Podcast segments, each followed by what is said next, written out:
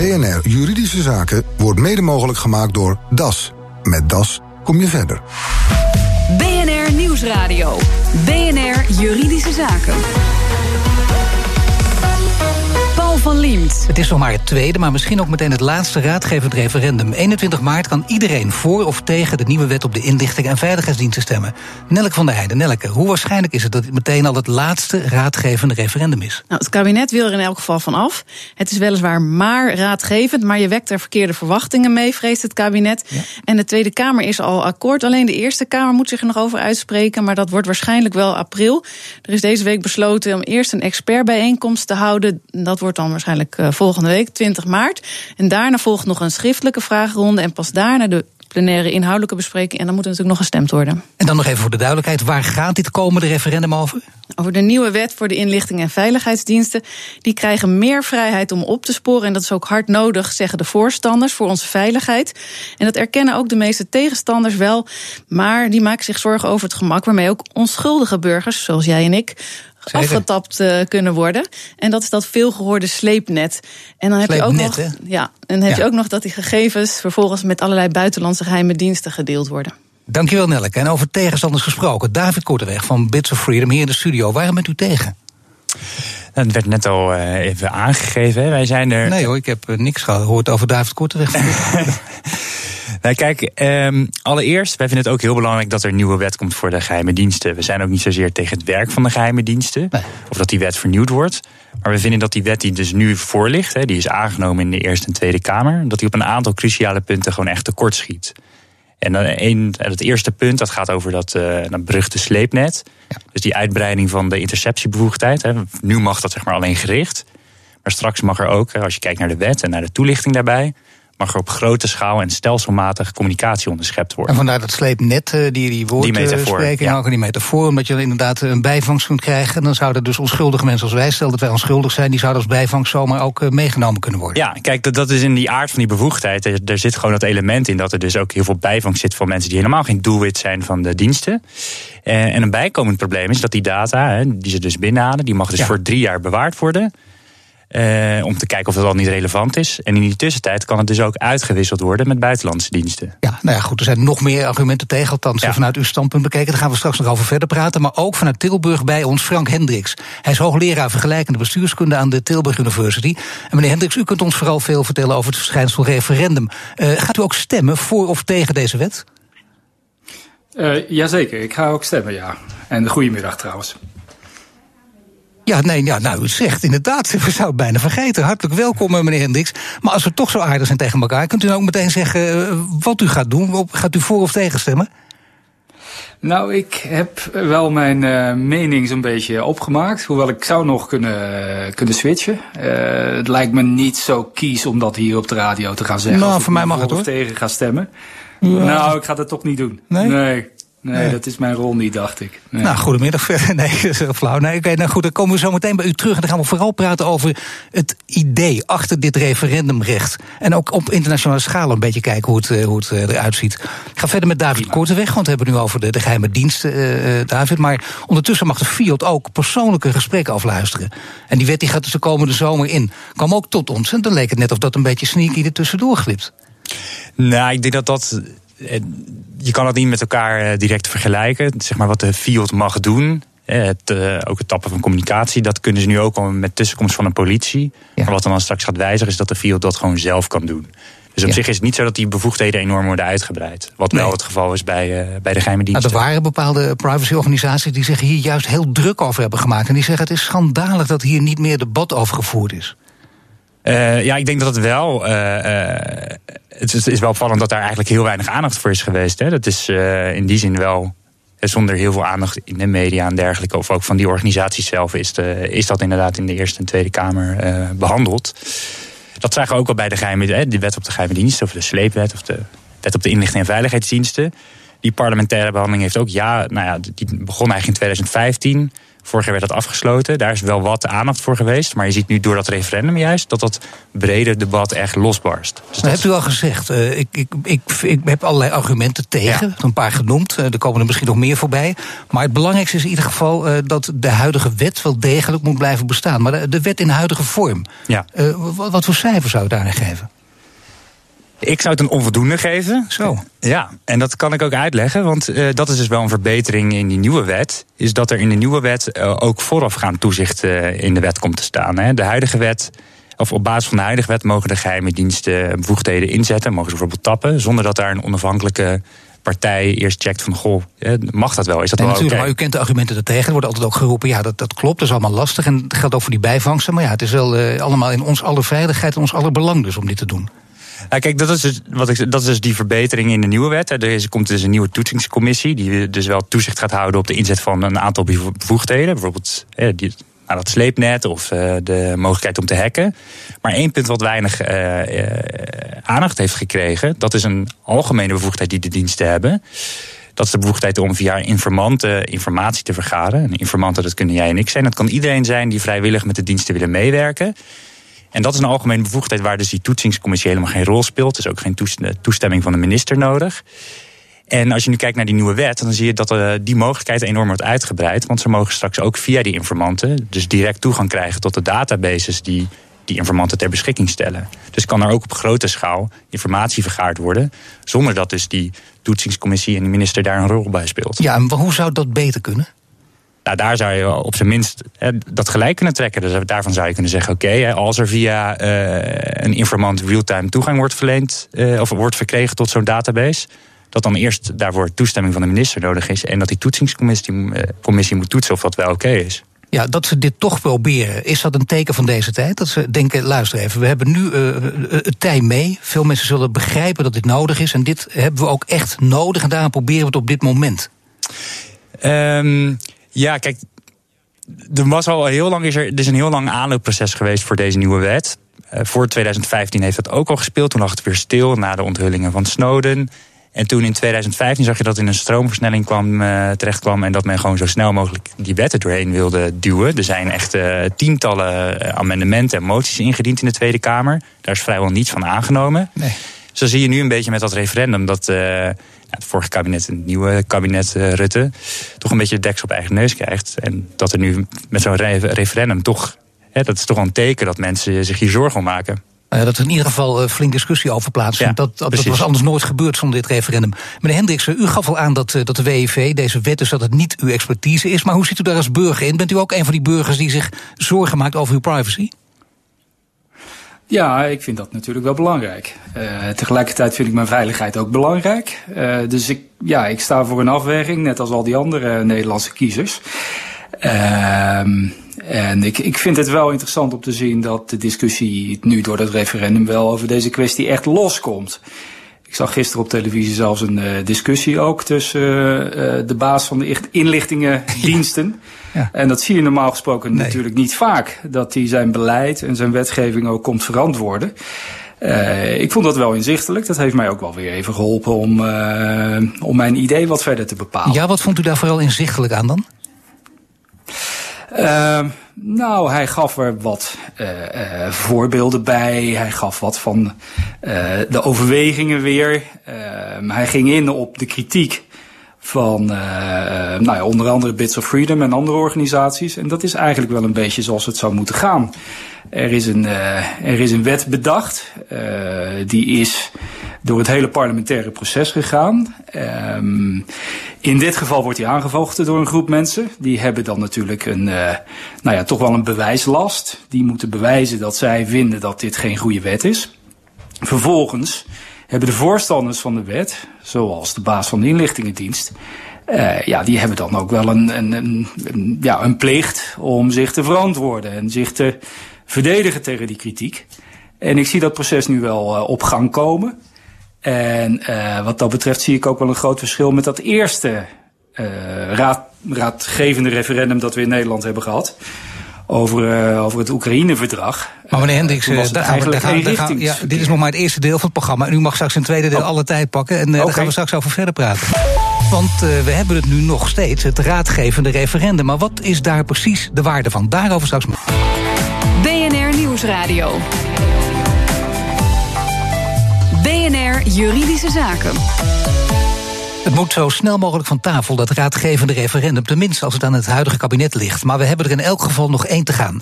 Aan mijn gasten David Korteweg, digitale rechtadvocaat bij Bits of Freedom. En vanuit Tilburg Frank Hendricks, hoogleraar vergelijkende bestuurskunde aan de Tilburg University. De vraag of we massaal gebruik moeten maken van dit stemrecht.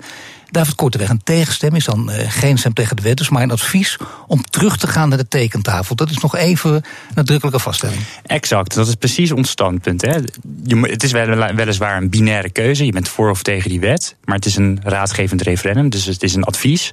En daarom vinden wij het ook zo belangrijk dat we uitleggen wat dan die tegenstem inhoudt, hè, waar die kritiek dan op ziet. Nou hoorde u net ook uh, meneer Hendricks al over het referendum praten. En uh, toen zei hij ook, ja, dit is toch een, een ander referendum en een andere discussie ook dan de vorige keer. Ja, ik zie dat. Dat is, mijn, dat is ook mijn beeld. Ik heb het idee dat er nu best wel uh, serieus over dit onderwerp gediscussieerd wordt. Dat het nu steeds meer begint. Uh, maar hoe komt dat dat het zo anders is? Um, ik denk omdat er best veel organisaties. Nou ja, dan wil ik ons niet zelf op de borst kloppen. Maar ik denk, hè, wij zitten er heel duidelijk in. dat het niet zozeer is dat we sowieso ergens tegen zijn. Maar dat er gewoon. Uh, zaken verbeterd moeten worden. En dat zijn niet alleen wij, ook organisaties als Amnesty International. Uh, Privacy First, uh, Nederlandse. Nou, zullen we het even aan uh, meneer Hendricks voorleggen? Want werkt dat wel bij referenda? Als je een forse nee-stem kunt laten horen, dat het dan ook aantrekkelijker is om campagne te voeren? Ja, dat denk ik wel. Dat denk ik wel. Wat mij wel opvalt, in vergelijking ook met het vorige referendum, is dat uh, het tegenkamp, om het zo maar eventjes te noemen, wat meer uh, verspreid is. En wat minder als één blok met één gezicht opereert. Uh, bij, de, bij het vorige referendum had je natuurlijk uh, nou ja, geen pijl met Jan Roos en uh, Thierry Baudet er vlakbij. die liepen eigenlijk voortdurend voorop in de discussie. En het ja, kabinet. Troffen toen ook nog samen op, ja? Ja. En nu lijkt het een beetje andersom. studenten hebben natuurlijk in de tijd dat referendum afgedwongen. Die zijn daarna wat stiller geworden in de campagne. En uh, het lijkt nu haast wel alsof de voorstanders van de wet wat meer het voortouw hebben. En wat meer, ja, wat actiever zijn in de discussie. Ja, laten we eens even internationaal. Laten we het, een leereffect in. Zeker, laten we eerst het internationale niveau er eens bij gaan pakken. Want democratisch gezien, wat vindt u ervan? Doen we internationaal een stap terug als we afscheid nemen van het referendum? Uh, ja, in zekere zin wel. Uh, er zijn maar weinig landen, ook weinig uh, fatsoenlijke democratieën, zonder een vorm van een referendum op nationaal niveau. Ja. En Nederland gaat straks weer bij, ja, bij dat kleine groepje landen horen. Ja, dat wil dat je dan. Is wel dat, opmerkelijk. dat, is heel opmerkelijk. Ja. En je zou bijna zeggen dat zou je als Nederland uh, toch ook niet willen. En zeker zo'n minister als deze niet, van D66-huizen. Ja, voor ik denk dat het voor D66 inderdaad een lastig verhaal is om, uh, om uit te leggen. Uh, want het is natuurlijk wel opmerkelijk als je kijkt naar uh, de laatste democratieranglijst. Die wordt, ieder jaar wordt die opgemaakt door Democracy Index. Nederland staat daar nu al op de elfde plaats. Als je kijkt naar de landen die daarboven staan, dan hebben acht van die tien landen die erboven staan, die hebben aanmerkelijk meer ervaring met referenda dan Nederland. En wat voor ervaringen hebben ze eigenlijk? Zijn dat positieve of negatieve ervaringen met referenda? Dat loopt uiteen. Uh, en het hangt er ook vanaf aan wie je het vraagt. De regering vindt het natuurlijk niet altijd leuk om, uh, om, om, om nee te horen van de bevolking. Uh, maar uh, dat is overigens ook niet altijd het geval. Dat denken wij vaak in Nederland, omdat wij twee nationale referenda hebben gehad. En beide eindigden in een, uh, in een nee. Dus dat is een 100% nee-score. Ja. Maar als je naar die andere landen kijkt, dan zie je dat dat toch vaak uh, ook anders kan. We hebben van de week een uh, referendum gehad in Zwitserland. En daar zeiden de Zwitsers eigenlijk gewoon ja tegen een omroepbijdrage. Ja. Um, um, van ja, laat ons maar een forse bijdrage betalen voor de nationale omroep. Wat zegt dit, Dus over, wat zegt het over, wat zegt het over dit kabinet? Dat ze, dat ze hier angst voor hebben. Dat ze denken, nou, referendum is leuk, behalve als het, ons in, uh, ja, als het niet met onze mening strookt. Nou, dat zegt toch wel dat, dat, daar, dat daar inderdaad enige angst uh, onder zit. En uh, ze zijn daar niet uniek in. Ook uh, eerdere kabinetten en eerdere generaties politici in Nederland... die zijn daar wel heel erg ja, voorzichtig Maar hebben we wel een beetje geschiedenis in Nederland van eh, politici eh, die bang zijn voor democratie? geweest. Dat zou ik niet zo willen zeggen. dat dacht ik al, dat dat niet bang iets voor voor maar- referenda. Ja, ja nou ja. Eh, er, is wel een, er is wel een opmerkelijke angst voor referenda in Nederland. Angst voor de stem van de bevolking dan toch een beetje? Eh, ja, dat denk ik wel. En misschien ook angst voor eh, nare referenda die men in het buitenland ziet. Want laten we wel wezen, die zijn er ook. Er zijn ook ja, referenda waar, ja, waar, waar iedere democraat ook wel een beetje angstig van wordt. Of in ieder geval wenkbrauwen bij fronst. Ik denk bijvoorbeeld aan het, aan het Oekraïne-referendum van, van Poetin. Eh, sorry, ik moet zeggen het eh, Krim-referendum. Ik wou net zeggen, ja. Eh, en er zijn meer eh, van dat soort voorbeelden. Eh, alleen als je die vergelijkt met het referendum dat nu in Nederland aan de orde is, dan zie je toch eh, ja, zie je hele grote verschillen. Het referendum wordt vaak op één hoop gegooid. En daar ben ik niet zo voor. Je zou eigenlijk een veel beter onderscheid moeten maken tussen. Eh, nou ja, zo'n referendum als wij hebben, dat is eigenlijk een wetgevingsreferendum, een correctief wetgevingsreferendum. En al die andere referenda, die eh, bijvoorbeeld door presidenten of door premiers of door andere leiders ehm, worden, worden opgeroepen om hun eigen macht te legitimeren. En om vaak een soort binnenbocht te kunnen nemen naar een, eh, naar een beslissing. Ja, maar dat is ook een heel ander verhaal. Eh, dan gaan we kijken naar de opkomst natuurlijk. Hè? Want heel vaak wordt er ook geroepen, kijk eens naar referenda. Er komen niet veel mensen eh, die gaan stemmen. Zegt dat iets? Ik vraag het eerst even van David Korteweg. Is het altijd wel veel zeggen? Stel, er komt maar 20 of 30 procent van de mensen op... en dan kun je makkelijk zeggen, zie je wel, we schuiven terzijde. Niet interessant. Nou, dat, dat vind ik wel, wel wat makkelijk. Kijk, als 20% eh, komt opdagen, dan gaat het nog steeds om eh, miljoenen kiezers die wel hier eh, iets over willen zeggen. Ik denk zelf dat bijvoorbeeld met dit referendum wat er nu aankomt over de, over de sleepnet, dat daar die, die drempel van 30% wel gehaald gaat worden. Dus natuurlijk ook tegelijkertijd met de gemeenteraadsverkiezingen. Ja. Ehm, Ja, maar toch zeggen veel mensen wel van ja, natuurlijk. Want je gaat toch voor de gemeenteraadsverkiezingen. Nou, oké, dat andere papiertje vul ik ook wel even in.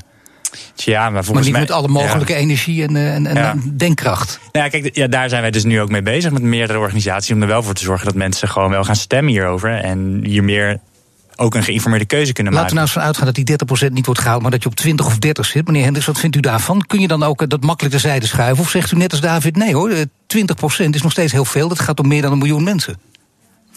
Dat zijn aardig wat mensen, maar in dit geval zal het dan zeker terzijde worden geschoven. Omdat Ja. het dan eh, de opkomstdrempel niet haalt van 30 procent. overigens denk ik dat je bij zo'n correctief wetgevingsreferendum daar wel wat anders tegenaan moet kijken. Dan bijvoorbeeld bij eh, ehm, ehm, directe wetgevingsreferenda die, eh, die je bijvoorbeeld in Zwitserland hebt. Daar, kun, daar kunnen eh, bevolkingsgroepen zelf wetgeving voorstellen.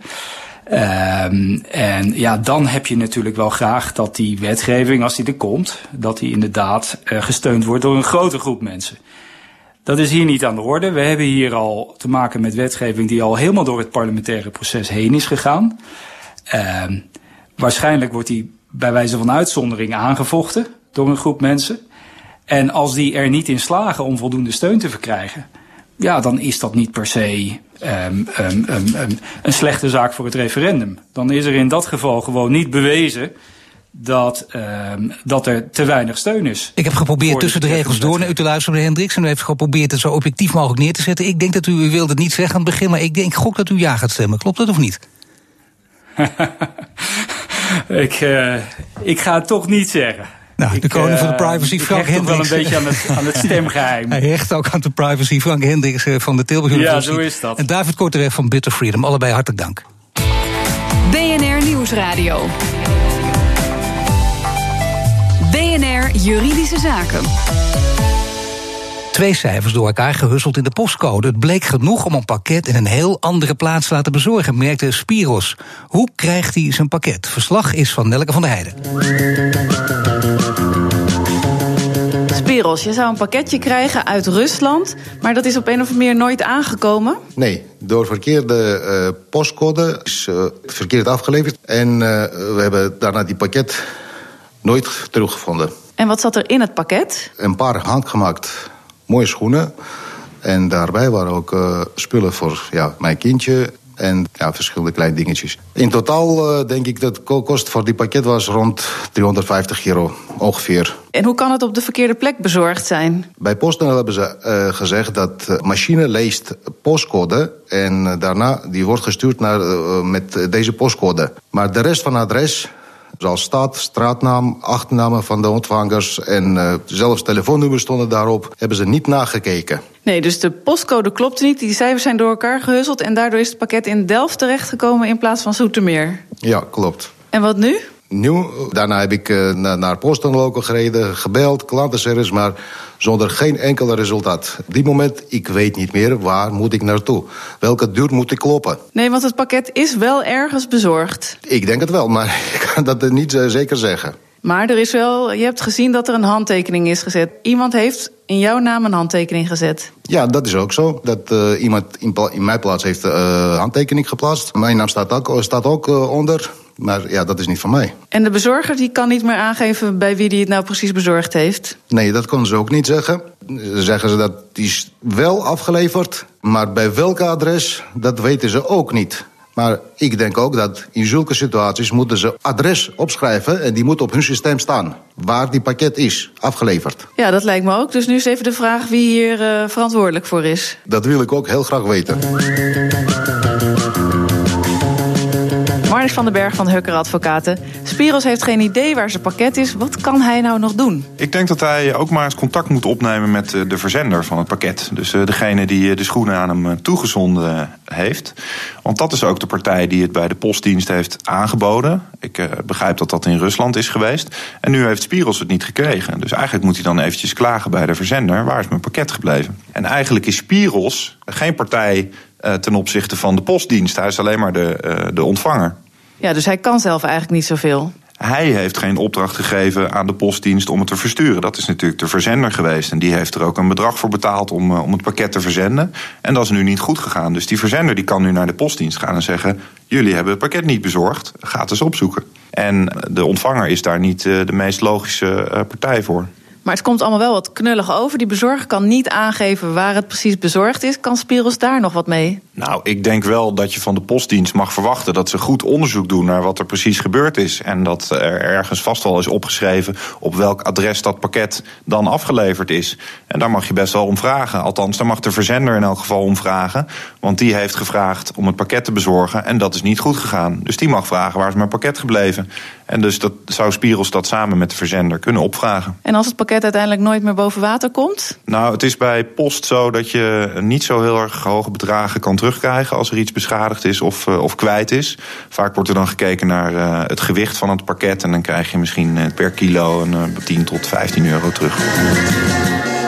Dat is niet zoveel, dus op een hoog schadebedrag hoeft Spiros niet te rekenen. Advocaat Marnix van den Berg voegt nog aan toe dat je in Nederland wel het recht hebt om als ontvanger te klagen. Dat staat in de postwet, maar als het postbedrijf het dan niet oplost, dan kun je als ontvanger nog steeds niets beginnen. Heeft u ook een juridische vraag? Mail hem naar juridischezaken.bnr.nl.